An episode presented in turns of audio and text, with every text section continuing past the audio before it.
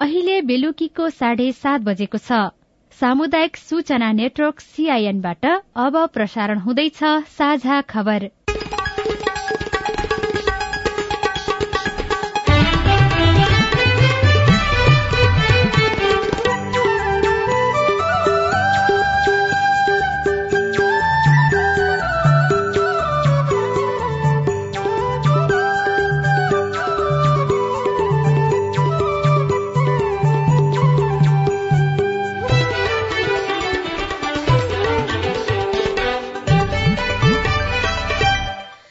सीआईएनको साझा खबरबाट सोभिता रिसालको नमस्कार। साझा खबर देशभरिका सामुदायिक रेडियो सीआईएन खबर डट कम र मोबाइल एप सीआईएनमा पनि सुन्न सकिन्छ।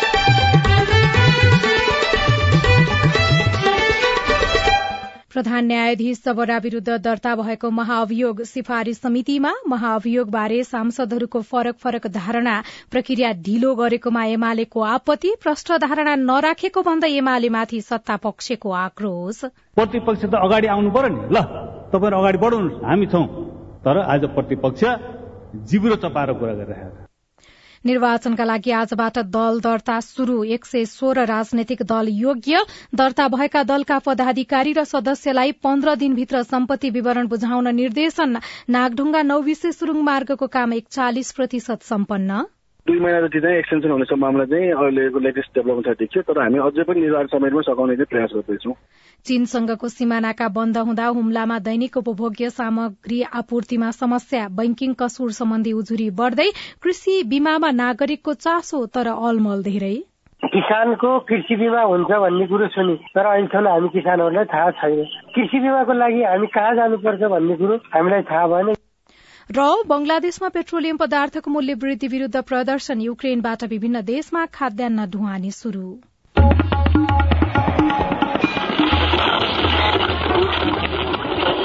सयौं रेडियो। हजारौं रेडियो कर्मी र करोड़ौं नेपालीको माझमा यो हो सामुदायिक सूचना नेटवर्क सीआईएन प्रदेश सरकार गठन भएको पाँच वर्ष पुग्ने लागेको छ। पाँच वर्षको अवधिमा छ प्रदेशले आफ्नो नाम र स्थायी राजधानी तोकिसकेका छन्। तर प्रदेश नम्बर एकले अझै पनि नामाकरण नगर्दा यो कार्यकाल त्यसै खेर जाने सम्भावना बढ़ेको छ। संविधानले प्रदेशसभाको दुई तिहाई बहुमतले नाम राख्न वा फेर्न सक्ने अधिकार प्रदान गरेको छ। राजनीतिक सहमति नजुड्दा नाम राख्ने विषयमा सांसदहरू नै असफल हुने खतरा बढ़ेको छ। त्यसैले नाममा साझा सहमति खोजी समयमा नै नामाकरण गर्नुपर्छ। प्रतिनिधि सभाले प्रधान न्यायाधीश जोलेन्द्र शमशेर जबरा विरूद्ध दर्ता भएको महाभियोग सिफारिश समितिमा पठाएको छ। आज प्रस्तावमाथि छलफल गरेपछि सभामुख अग्नि प्रसाद सापकोटाले राखेको महाभियोग सिफारिश समितिमा पठाउने प्रस्ताव प्रतिनिधि सभाबाट बहुमतले पारित भएको हो। प्रतिनिधि सभा नियमावली दुई हजार पचहत्तरको नियम एक सय एकसठीको उपनियम छ बमोजिम नेपालको संविधानको धारा एक सय एकको उपधारा दुई एवं प्रतिनिधि सभा नियमावली दुई हजार पचहत्तरको नियम एक सय एकसठीको उपनियम एक बमोजिम प्रधान न्यायाधीश श्री चोलेन्द्र शमशेर जबरा विरूद्ध दर्ता भएको महाअभियोगको प्रस्तावलाई सोही नियमावलीको नियम एक सय बैसठी बमोजिम गठित महाअभियोग सिफारिश समितिमा पठाउन प्रस्ताव गर्दछु। महाभियोग प्रस्तावमाथिको छलफलमा भाग लिँदै सत्ता पक्ष र प्रतिपक्षका सांसदहरूले आफ्नै पार्टीको एजेण्डा अनुसार धारणा राखेका थिए। माओवादी केन्द्रका सांसदहरूले प्रधान न्यायाधीश जबरामाथिको महाभियोगका सम्बन्धमा प्रश्न नबोलेको भन्दै प्रमुख विपक्षी नेकपा एमालेमाथि प्रश्न उठाएका छन्। माओवादी केन्द्रका सांसद हरिबोल गजुरेलले एमाले प्रश्न नबोलेर जबरालाई बचाउन खोजेको आरोप लगाउनुभयो। प्रधान न्यायाधीशको विषयमा धेरै कुरा आइसके यहाँ यो व्याख्या गर्नु नै बेकार। कि जनताले बुझिसकेका छ आम मान्छेलाई थाहा छ। तर अहिले सत्ता पक्ष प्रतिपक्ष सबै एक ठाउँमा आएर यसलाई छिटोभन्दा छिटो गरौँ भन्नेमा सहमति दिनुपर्ने ठाउँमा किन दुई तिहाई नभए त्यो पारित हुँदैन। प्रतिपक्षले सहयोग नगरी पारित हुँदैन। प्रतिपक्ष त अगाडि आउनु पर्यो नि। ल तपाईँहरू अगाडि बढाउनु हामी छौँ। तर आज प्रतिपक्ष जिब्रो चपाएर कुरा गरिरहेको नेपाली कांग्रेसका सांसदहरूले पनि जबरामाथिको महाभियोग समयमै अगाडि बढ़न नसक्नुमा प्रमुख प्रतिपक्षी दल नेकपा एमाले नै जिम्मेवार भएको आरोप लगाएका छन्।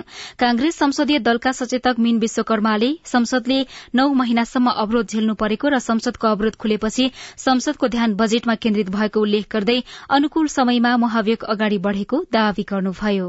विलम्ब भयो। आज हामी कहाँ गुनासो यही छ तर विलम्बको कारण के हो?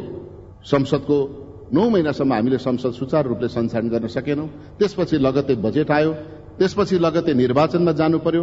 हामीले यसमा सकोभर राष्ट्रिय सहमति खोजौं भन्ने प्रयास गर्यौं। राष्ट्रिय सहमतिको प्रयास गरेर नै महाभियोग प्रस्ताव सिफारिस समिति गठन गर्न हामी सफल भयौं। र आज त्यो सिफारिस समिति बनेको छ। यस्तो किसिमको विकृति विसंगतिको चाङमा उभिएका प्रधान न्यायाधीशलाई निलम्बन गरिएको छ र निलम्बित प्रधान न्यायाधीशको बारेमा अब सिफारिस समितिले उपयुक्त सिफारिस गरेर यो महाभियोग प्रस्ताव पास गर्नुपर्दछ। प्रमुख प्रतिपक्षी नेकपा एमालेका सांसदहरूले भने चुनावको मिति घोषणा भएको अवस्थामा प्रधान न्यायाधीश चोलेन्द्र शमशेर जबरामाथिको महाभियोग प्रस्ताव अगाडि बढ़ाउन नैतिक प्रश्न रहेको टिप्पणी गरेका छन्। एमालेका तर्फबाट सांसद खगराज अधिकारीले महाभियोग प्रस्ताव दर्ता भएपछि तुरन्तै अगाडि बढ़ाउनु पर्नेमा ढिलो गरिएको र करिब छ महिनापछि मात्रै अगाडि बढ़ाइएको भन्दै आपत्ति जनाउनुभयो। आज पाँच महिनासम्म हामी यहाँ सामान्य सभा महोदय। अब हाम्रो यो संसद हामीमाथि प्रश्न चिन्ह खडा भएको छ सामान्य सभा महोदय के भनिएको छ भने सांसदहरू पदमै रहेर चुनाव लड्न पाइन्छ निष्पक्ष हुन्छ एकातिर सरकारले चुनावको मिति तय गरिसक्यो अनि हामी समिति यहाँ छलफल गरेर समितिमा पठाउँछौ समिति तीन महिना काम गर्ने समय नै छैन उसको। बढीमा तीन महिना भने प्रतिनिधि सभा नियमावलीमा प्रष्ट उल्लेख गरेको छ। तीन महिना नहुने समय राखेर हामी के गर्दैछौँ? एमालेकै सांसद महेश बस्नेतले पनि सत्ता टिकाउने नियतका साथ महाभियोग प्रस्ताव ल्याइएको र अहिले अगाडि बढ़ाउँदा पनि सत्ता जोगाउने कुरा मात्रै त होइन भन्ने प्रश्न उब्जिएको बताउनुभयो। निर्वाचन आयोगले दर्ता भएका राजनीतिक दलका केन्द्रीय पदाधिकारी तथा सदस्यलाई पन्ध्र दिनभित्र सम्पत्ति विवरण बुझाउन निर्देशन दिएको छ। साउन पन्ध्र गते बसेको बैठकले आयोगमा दर्ता भइसकेका राजनैतिक दललाई पदाधिकारी र केन्द्रीय सदस्यले आफ्नो सम्पत्तिको विवरण दलको केन्द्रीय कार्यालयमा पेश गरे नगरेको जानकारी आयोगले तोकेको ढाँचामा तयार गरी पन्ध्र दिनभित्र पेश गर्न निर्देशन दिएको हो। राजनीतिक दल सम्बन्धी ऐन दुई हजार त्रिहत्तरको दफा सन्ताउन्न बमोजिम निर्देशन दिने भनी भएको निर्णय अनुसार पत्राचार गरिएको छ। यसैबीच आजबाट निर्वाचन आयोगले दल दर्ता शुरू गरेको छ। दल दर्ताको निवेदनसँगै राजनैतिक दलले आफ्नो विवरण दलको केन्द्रीय कार्यकारिणी समिति प्रदेश र जिल्ला समितिका पदाधिकारी तथा सदस्यको संख्या वार्षिक लेखा परीक्षण प्रतिवेदन पेश गरेको मिति र दलको केन्द्रीय स्तर र प्रदेश स्तरको कार्यकारिणी समितिको पछिल्लो चुनाव भएको मिति उल्लेख गर्नुपर्ने आयोगले जनाएको छ। यसरी दल दर्ताका लागि निवेदन दिँदा प्रतिनिधि सभा सदस्यको छुट्टै र प्रदेश सभा सदस्यको हकमा प्रदेशगत रूपमा सातवटा प्रदेशका लागि छुट्टा छुट्टै निवेदन पेश गर्नुपर्ने आयोगका प्रवक्ता शालिग्राम शर्मा पौडेलले सीआईएनसँग जानकारी दिनुभयो। संविधानले र ऐनले पनि दर्ता कायम रहेका भइसकेका भन्छ कि? भइसकेका भनेको कहिले छ? चार गते निर्वाचन छ तिन गते दल दर्ता भएर भएकालाई पनि अवसर दिने भन्ने त होइन। जुन दिन सूचना निक्लिन्छ दल दर्ता गर्नका लागि त्यो मितिसम्म दर्ता कायम रहेका भन्न खोजेको। भनेपछि हामीले बाइस गतेदेखि आइतबारदेखि निर्वाचनको लागि निकाल्यौँ। एक्काइस गते शनिबार भयो अनि हामीले उन्नाइस गतेसम्म दर्ता कायम भएका भनेर आयोगले निर्णय गरेको। आगामी मंगिर चार गते हुने प्रतिनिधि सभा र प्रदेश सभा सदस्य निर्वाचनमा भाग लिन एक सय सोह्रवटा राजनैतिक दल योग्य रहेको निर्वाचन आयोगले जनाएको छ।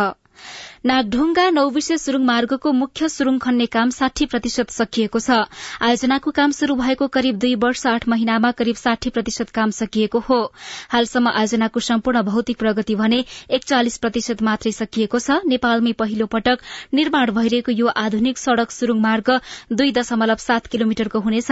आजसम्म इभ्याकुएशन टनेल अर्थात आपतकालीन अवस्थामा प्रयोगका लागि मुख्य सुरुङ मार्गसँगै समानान्तर हुने गरी बनाइने सुरुङ र मुख्य सुरुङ गरी बत्तीस सय छयत्तर मिटर सुरुङ खन्ने काम पूरा भएको आयोजनाले जनाएको छ। आयोजनाका अनुसार अहिले टनेलको भित्रका कामलाई मुख्य प्राथमिकता दिएर काम अघि बढ़ाइएको छ।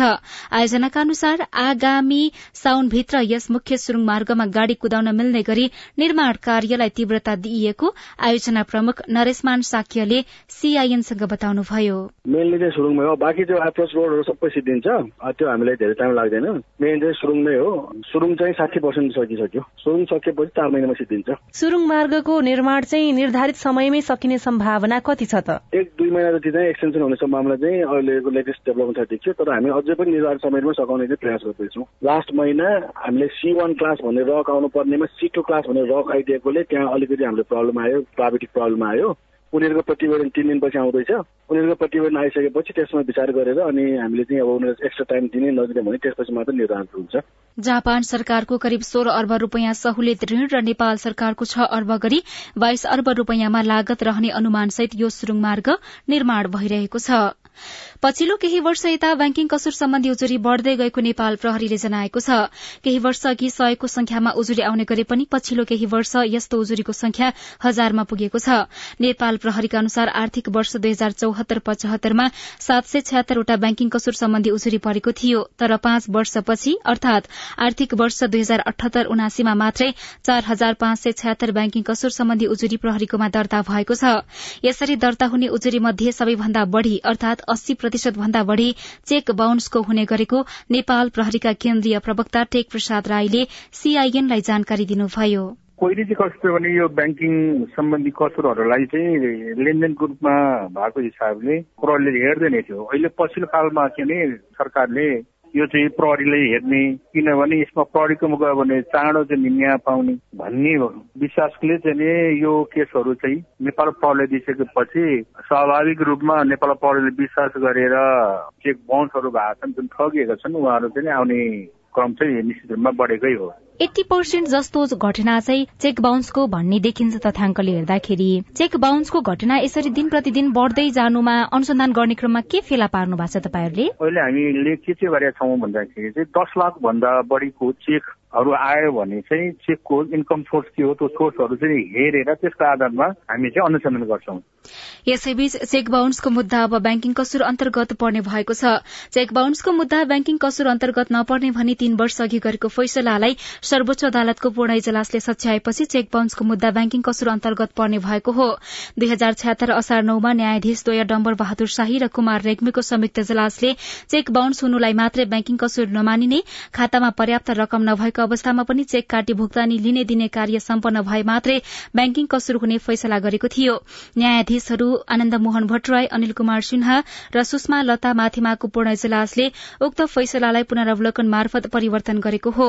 अब ब्याङ्किङ कसुर हुन खातामा भएको भन्दा बढ़ी रकमको चेक काटिदिएर त्यसको भुक्तानी हुन जरूरी नहुने र त्यस्तो चेक काटिदिए मात्रै पनि ब्याङ्किङ कसुर हुने भएको हो। सर्वोच्च अदालतको पूर्ण फैसला पुरानो फैसला बदर गर्ने पूर्ण इजलासको फैसलाको पूर्ण पाठ आउन बाँकी छ। साझा खबरमा अब विदेशको खबर। खाद्यान्न र खाने तेल बोकेका थप चारवटा जहाजहरू युक्रेनको बन्दरगाहबाट छुटेका छन्। जसमध्ये दुई जहाज टर्की जानेछन् भने बाँकी इटाली र चीन पुग्ने बताइएको छ। रूसले गरेको नाकाबन्दीका कारण दुई करोड़ टन खाद्यान्न बोकेको जहाजहरू युक्रेनको बन्दरगाहमा रोकिएका छन् जसका कारण विभिन्न देशहरूमा खाद्यान्नको अभाव र उच्च मूल्य वृद्धि भएको छ। तर गत हप्ता रूसले खाद्यान्न बोकेका जहाज गन्तव्यमा जान दिने सहमति जनाएपछि रोकिएका जहाजहरूले ढुवानी शुरू गरे गरेका छन्। रूसले यो सम्झौता कायम राखे युक्रेनले प्रति महिना तीस लाख टन अन्न निर्यात गर्ने अपेक्षा गरेको छ। र पेट्रोल र डिजलमा भारी मात्रामा मूल्य वृद्धि गरिएको भन्दै बंगलादेशको राजधानी ढाका लगायत अन्य शहरहरूमा भएको प्रदर्शनका क्रममा प्रदर्शनकारी र सुरक्षाकर्मीबीच झडप भएको छ। प्रदर्शनकारीहरूले मूल्य वृद्धि फिर्ता नलिएसम्म आन्दोलन जारी राख्ने अडान लिएका छन्। बंगलादेश सरकारले गत शुक्रबार पेट्रोलमा एकाउन्न प्रतिशत र डिजलको मूल्य बयालिस प्रतिशतले वृद्धि गरेको थियो।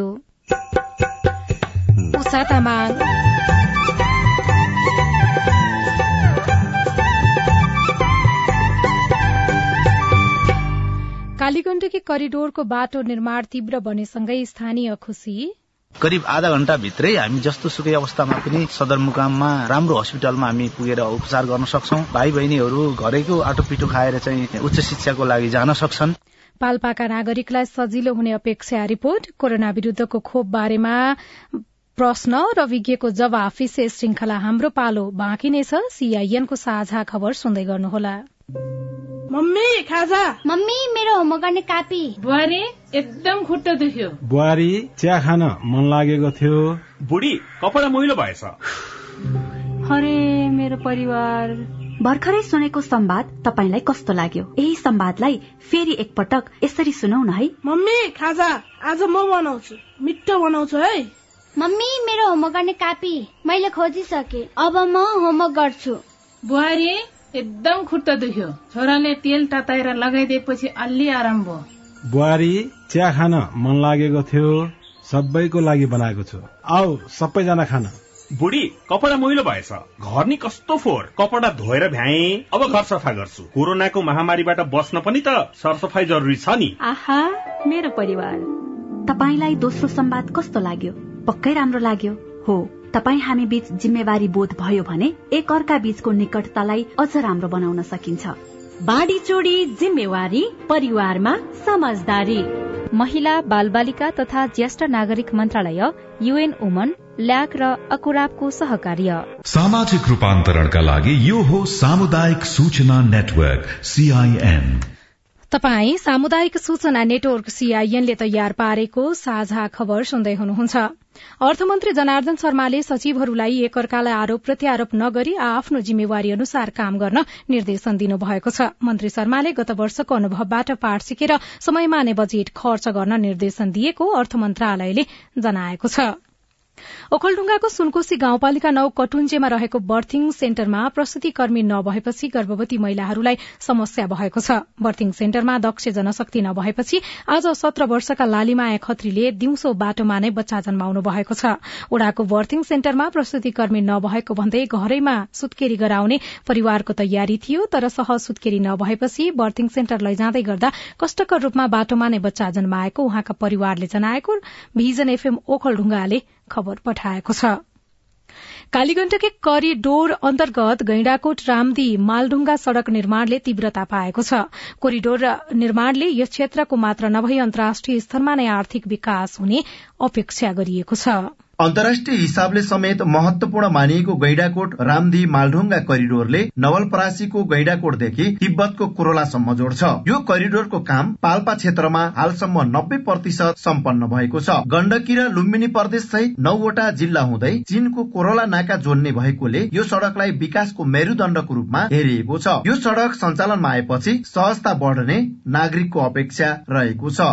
करिब आधा घण्टा भित्रै हामी जस्तो सुकै अवस्थामा पनि सदरमुकाममा राम्रो हस्पिटलमा हामी पुगेर उपचार गर्न सक्छौँ। भाइ बहिनीहरू घरैको आटो पिटो खाएर चाहिँ उच्च शिक्षाको लागि जान सक्छन्। ट्र्याक मात्र खोल्दाको अवस्था र अहिलेको अवस्थामा धेरै सहज भएको छ। पहिले मलाई रेगुलर हिँड्न बहुत समस्या थियो। अहिले चाहिँ कुनै पनि समस्या छैन। चीन र भारतसँग जोड्ने कालीगण्डकी करिडोरको निर्माण भएपछि व्यापारमा सहजता हुने विश्वास गरिएको छ। उपभोग्य सामग्रीहरू सहजै ल्याउन सकिने भएकाले महँगी कम हुने तथा आर्थिक विकासमा टेवा पुग्ने विश्वास पनि नागरिकमा छ। तर नवलपरासीदेखि पाल्पा क्षेत्रमा करिडोर पूर्ण रूपमा सम्पन्न हुनको लागि कम्तीमा दुई वर्ष लाग्ने देखिएको छ। गुल्मी हर्मी चौरका जगदीश भट्टराई पहाड़ी एरियाबाट बसाइसराई तराईतर्फ जानेछ। त्यो टोटली रोकिन्छ। एक दशक पछि यस्तो समय आउँछ कि चाइनाबाट चाहिँ माल लोड गरेर हिँडेको कन्टेनर हिन्दुस्तान जानको लागि अथवा नेपाल आउनको लागि हिँडेको कन्टेनरहरूको ताती लाग्छ। राष्ट्रिय गौरवको आयोजनाको रूपमा रहेको कालीगण्डकी करिडोर अन्तर्गत विभिन्न भागहरूमा नेपाली सेना र सड़क विभाग मार्फत ट्र्याक खोल्ने नाली तथा पुल बनाउने र कालोपत्रे गर्ने काम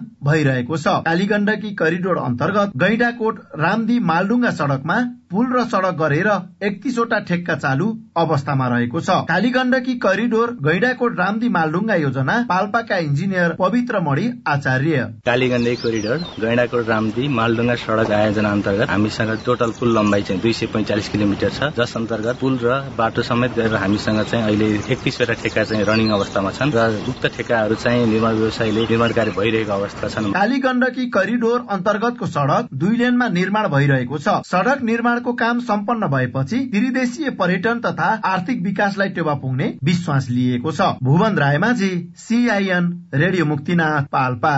साझा खबरमा अब प्रस्तुत छ हेलो सीआईएन सजना तिमल सिन्हाबाट नमस्कार मेरो घर गोर्खा नगरपालिका वा नगर पाँच गोर्खामा पर्छ मेरो नाम मेरो रामशरण बस्ने सिआइएन खबरबाट हामीले मैले के बुझाइन अगाडि के सुन्यो भने किसानको कृषि बिमा हुन्छ भन्ने कुरो सुने। तर अहिलेसम्म हामी किसानहरूलाई थाहा छैन। त्यसको लागि पशु बिमाको लागि त हामी भेटनरीतिर जान्छौँ? कृषि बिमाको लागि हामी कहाँ जानुपर्छ भन्ने कुरो हामीलाई थाहा भएन यो स्पष्ट पारिदिनु हुन अनुरोध गर्दछु धन्यवाद। तपाईँको जिज्ञासा मेटाउँदै हुनुहुन्छ बिमा समितिका प्रवक्ता राजु रमण पौडेल। अभिकर्ता त्यहाँ छैन होला अभिकर्ता नभएपछि बिमा कम्पनी गरेर सम्पर्क गर्नुहोस्। इन्सुरेन्स कम्पनीको शाखा गोर्खा बजारमा पनि छ पालुन्टारमा पनि एउटा हजुर इन्सुरेन्स कम्पनी छ। त्यो त्यहाँ गएर तपाईँले सम्पर्क गर्नुभयो भने कृषि बिमा गरिदिन्छ उनीहरूले। बाली बिमा गरिदिन्थ्यौँ नमस्कार म दाङ घरैबाट अच्युत कृष्ण खरेल बोलेको बोलेको छु ब्याङ्कहरूबाट कर्जा प्रवाह रोकिएको एक वर्ष भइसक्यो आज पनि यो खुल्दैन। यसले साना किसानहरूलाई मर्का परेको छ।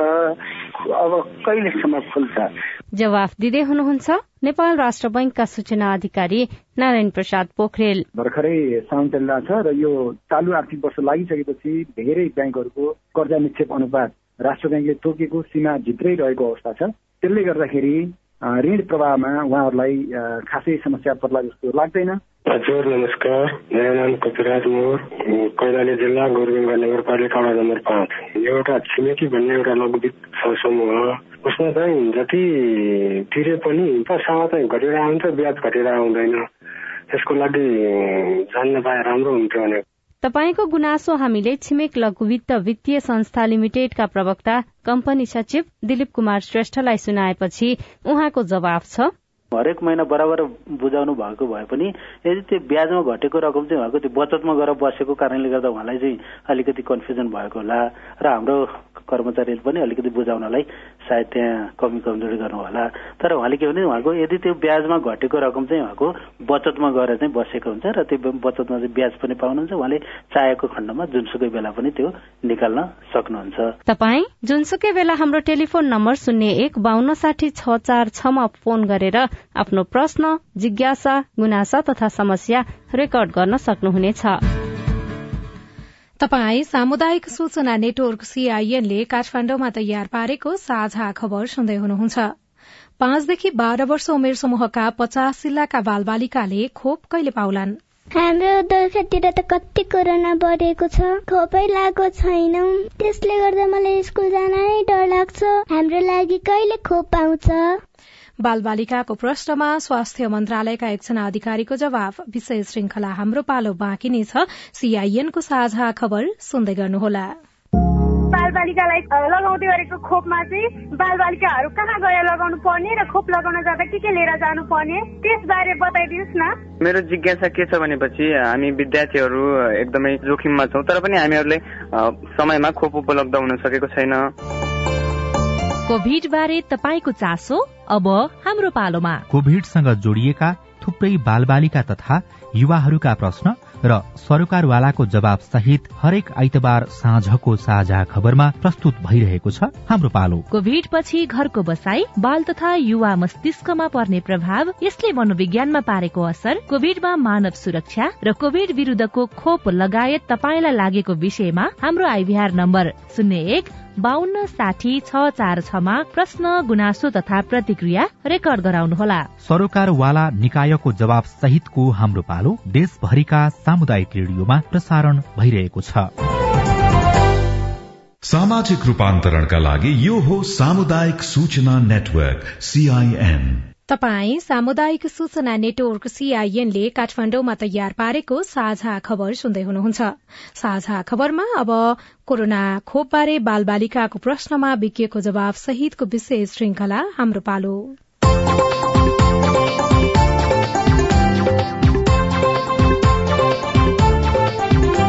नमस्कार म सुशीला। हाम्रो पालोमा हामी कोविड लगायत अन्य विपत्तिमा बाल सुरक्षा बाल अधिकार लगायत किशोर किशोरी र युवाहरूको प्रश्न लिँदै त्यसको उत्तर खोज्ने प्रयत्न गर्नेछौं।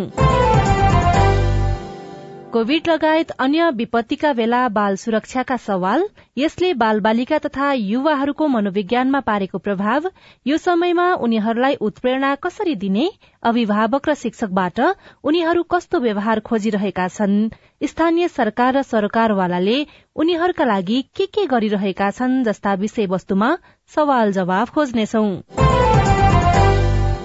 आज हामी हाम्रो पालोको साठीऔं खण्डमा छौं। नेपालमा अहिले दैनिक कोरोना संक्रमण दर बाह्र प्रतिशत भन्दा बढ़ी छ। विज्ञहरूले यो सम्भावित चौथो लहर हुन सक्ने भन्दै सतर्क रहन र जनस्वास्थ्यको मापदण्ड कड़ाईका साथ पालना गर्न गराउन आग्रह गरेका छन्।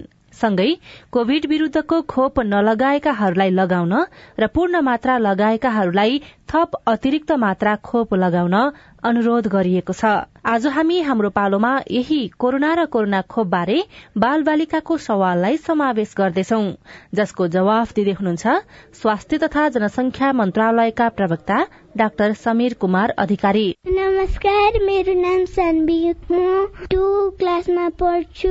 हाम्रो दोर्खातिर त कति कोरोना बढेको छ खोपै लागेको छैनौ। त्यसले गर्दा मलाई स्कुल जान नै डर लाग्छ। हाम्रो लागि कहिले खोप पाउँछ पाँच वर्षभन्दा मुनिको लागि चाहिँ अहिले खोप बनिसकेको छैन। हामीले खोप लगाउने गरी त्यसको व्यवस्था भएको छैन। पाँच वर्षभन्दा माथिको एघार वर्षसम्मको बाबु नानीहरूलाई आफू पढेको विद्यालयमै खोप लगाउने गरी व्यवस्था गरिएको छ। अहिले हामी सत्ताइसवटा जिल्लामा त्यो खोप लगाउने एकदमै खोप राख्ने ठाउँ पनि हामीलाई थोरै हुने त्यो खोप चाँडै लगाइसक्नु पर्ने खालको खोपहरू भएको हुनाले सत्ताइसवटा जिल्लामा केन्द्रित गरेर लगाउँदैछौँ। मेरो नाम धनेश मेरो घर दैलेको आठ नगरपालिका कोभिड नाइन्टिनको मोडर्ना खोप भन्ने पहिलोको फागुन आठ गते लगायौँ र दोस्रो खोप आठ गते लगायौँ रहेको थप मात्रा हामीले कहिले र कोना लगाउने हो जान्न पाए आभारी हुने थियो धन्यवाद। दोस्रो मात्रा लगाएको तिन महिना कटिसकेको छ भने अतिरिक्त बुस्टर मात्रा खोप लगाउने व्यवस्था गरिएको छ। यसमा मोडर्ना लगाएको भए पनि पहिले अर्जुनसुकै खोप लगाएको भए पनि अहिले उपलब्ध रहेको मोडर्ना फाइजर अथवा कोभिसिल्ड अस्ट्राजेनिका कुनै पनि खोप लगाउन मिल्छ। त्यसको लागि चाहिँ तपाईँ हामी बसेको स्थानीय तहको स्थानीय स्वास्थ्य संस्थाहरूसँग स्थानीय वडा कार्यालय हुन्छ अथवा आफ्नो बसेको गाउँपालिका नगरपालिकाको कार्यालयमा बुझेर उहाँहरूलाई खोप कहिले आउँछ कहिले लगाइ लगाउने व्यवस्था भएको छ भनेर संयोजन गर्यो भने उहाँहरूले त्यहाँ खोप नजिकमा केन्द्र राख्दाखेरि तपाईँ हामीलाई दोस्रो मात्रा लगाउने व्यवस्था गरिदिनुहुन्छ। नमस्कार मेरो नाम कुमार। म एघार वर्षको भएँ मसँग पढ्ने सबै साथीहरूले कोरोनाको खोप लगाइसके मैले चाहिँ लाउनै पाएको छुइनँ। हाम्रो लागि चाहिँ खोप आउँछ कि आउँदैन? हामीले स्कुलमा सरहरूलाई सोद्धा त आउँछ भन्नुहुन्छ तर कहिले आउँछ? त्यसको बारेमा अलिकति जानकारी पाउनु पाएको हुन्थ्यो। बाबुको कुरा सुन्दा यो सताछडा जिल्लाभित्रै नै परेको जस्तो लाग्यो। त्यस्तोमा साथीहरूले लगाइसक्नु भएको छ भने तपाईँ सायद त्यो बेलामा लगाउन नमिलेर उपयुक्त नभएर छुट्नु भयो होला। त्यस्तो हुँदाखेरि अब त्यो सम्बन्धित विद्यालयमा ती साथीहरूलाई दोस्रो मात्रा लगाउने पनि प्रबन्ध गरिसकिएको हुन सक्छ त्यस्तोमा चाहिँ हामीले जुन स्थानीय तहमा बसेका छौँ त्यो स्थानीय तहसँग बुझ्यौँ भने त्यहाँको स्वास्थ्यको साथीहरू जो हुनुहुन्छ स्वास्थ्य संयोजकहरू स्वास्थ्य कर्मीहरूसँग बुझ्यौँ भने उहाँहरूले दोस्रो मात्रा लगाउने प्रबन्ध सँगसँगै यसरी छुट्नु भएको बाल बालिकाहरूलाई पनि खोप लगाउने व्यवस्था चाहिँ त्यहीँबाट गर्नुहुन्छ। नमस्कार मेरो नाम चाहिँ रोसियो भने म जुम्लादेखि बोल्दैछु। विश्वव्यापी महामारी कोरोना भाइरस विरुद्धको खोप पहिलो मात्रा लगाएका र दोस्रो मात्रा र पुष्कर मात्रा मागिरहेकालाई पनि जुम्ला जस्तो विकट क्षेत्रमा कोरोना पुग्नुभन्दा पहिला खोप लगाइन्छ त? यदि लगाइन्छ भने कहाँ र कहिले लगाइन्छ त? बाह्र वर्ष मुनि र पाँच वर्ष माथिको बाल बालिकाहरूका लागि हामीले सत्ताइसवटा जिल्लामा मात्रै अभियान सुरु गरेका छौँ अहिले। बाँकी रहेको पचासवटा जिल्लामा जुम्ला लगायत जिल्लाहरू पर्छन्। ती जिल्लाहरूमा हामीले भदौबाट उप अभियान सुरु गर्ने गरी योजना बनाएका छौँ। त्यसको लागि आवश्यक प्रक्रियाहरू अगाडि बढेको छ। भदौको पहिलो सातादेखि तपाईँ हामीले पाँच वर्ष माथिको बाह्र वर्ष मुनिको बाल बालिकाहरूका लागि यी बाँकी रहेका पचासवटा जिल्लाहरूमा खोपको पहिलो मात्रा सुरु हुन्छ हामीले लगाउन पाउँछौँ। नमस्ते मेरो नाम चाहिँ अभिषेक। यो अवस्थामा चाहिँ एकदमै मौसम पनि धेरै परिवर्तन भइरहेको छ अनि हामी एकदमै रोगा खोकी ज्वरो पनि आइरहेको अवस्था छ। कोरोना महामारी पनि त्यत्तिकै बढिरहेको छ। यो अवस्थालाई चाहिँ हामीले के बुझ्ने? कोरोनै लाया हो कि? अथवा कुनै भाइरसहरू के लाया हो? कसरी बुझ्न सक्छौँ? धन्यवाद बाबु। एकदमै सान्दर्भिक जिज्ञासा अहिले हामीले हेऱ्यौँ भने हामी गर्मी पानी पर्यो भने एकदमै चिसो हुने चिसो लाग्ने त्यो बिरामी हुने समय पनि हो। पानीले भिजेर पनि बिरामी हुने समय पनि हो। अरू दुई कारणहरूले बिरामी हुनलाई उपयुक्त हुने खालको समय पनि हो। तर अहिले हामी कोभिड उन्नाइसको विश्वव्यापी महामारीमा भएको समय भएको हुनाले त्यस्तो बेलामा यो मौसमसँग जोडिएका ऋतुहरूसँग जोडिएका बिरामीहरूका अतिरिक्त चाहिँ सबैभन्दा पहिले हामीले सम्झिनु पर्ने त्यस्ता मिल्ला हिल्ला लक्षण कोभिड उन्नाइससँग मिल्ने खालका कुनै पनि लक्षणहरू ज्वरो सास फेर्न गाह्रो हुने जिउ दुख्ने थकान हुने गन्ध स्वाद हराउने यीसँग मिल्ने कुनै पनि लक्षणहरू आए भने हामीले सबैभन्दा पहिले कोभिड उन्नाइस संक्रमण भएको हुन सक्छ भन्ने हिसाबले हामीले परीक्षण गराउने अलग्गै राख्ने उहाँको नजिकको सम्पर्कमा आएका व्यक्तिहरूलाई पनि संक्रमण भएको हुन सक्छ कोभिडको भन्ने हिसाबले ख्याल गर्नुपर्ने हुन्छ। धन्यवाद। स्वास्थ्य तथा जनसंख्या मन्त्रालयका प्रवक्ता डाक्टर समीर कुमार अधिकारीलाई। तपाईँका प्रश्न तथा जिज्ञासाको लागि तपाईँको आवाज रेकर्ड हुने आइभीआर नम्बर शून्य एक बान्न साठी छ चार छमा फोन गरेर प्रश्न तथा जिज्ञासा र विचार रेकर्ड गराउनुहोला। अर्को हप्ता प्रश्नको उत्तर खोजौला। साझा खबरमा हाम्रो पालो आजलाई यति। अब तपाईँको पालो। प्रधान न्यायाधीश जबरा विरूद्ध दर्ता भएको महाअभियोग सिफारिश समितिमा पुगेको छ। महाअभियोगबारे सांसदहरूले फरक फरक धारणा राखेका छन्। प्रक्रिया ढिलो गरेकोमा नेकपा एमाले आपत्ति जनाउँदा प्रष्ट धारणा नराखेको भन्दै एमालेमाथि सत्ता पक्षका सांसदहरूले आक्रोश व्यक्त गरेका छन्। निर्वाचनका लागि आजबाट दल दर्ता शुरू भएको छ। एक सय सोह्रवटा राजनैतिक दल योग्य देखिएका छन्। दर्ता भएका दलका पदाधिकारी र सदस्यलाई पन्ध्र दिनभित्र सम्पत्ति विवरण बुझाउन आयोगले निर्देशन दिएको छ। र बैंकिङ कसुर सम्बन्धी उजुरी बढ़दै गएको छ। कृषि बीमामा नागरिकको चासो छ तर अलमल धेरै देखिएको छ। हवस् त आजलाई साझा खबरको समय सकियो। प्राविधिक साथी सुरेन्द्र सिंहलाई धन्यवाद। भोलि साउन तेइस गते बिहान छ बजेको साझा खबरमा फेरि भेटौँला। अहिलेलाई सोभिता रिसाल पनि विदा हुन्छु। नमस्कार शुभरात्री।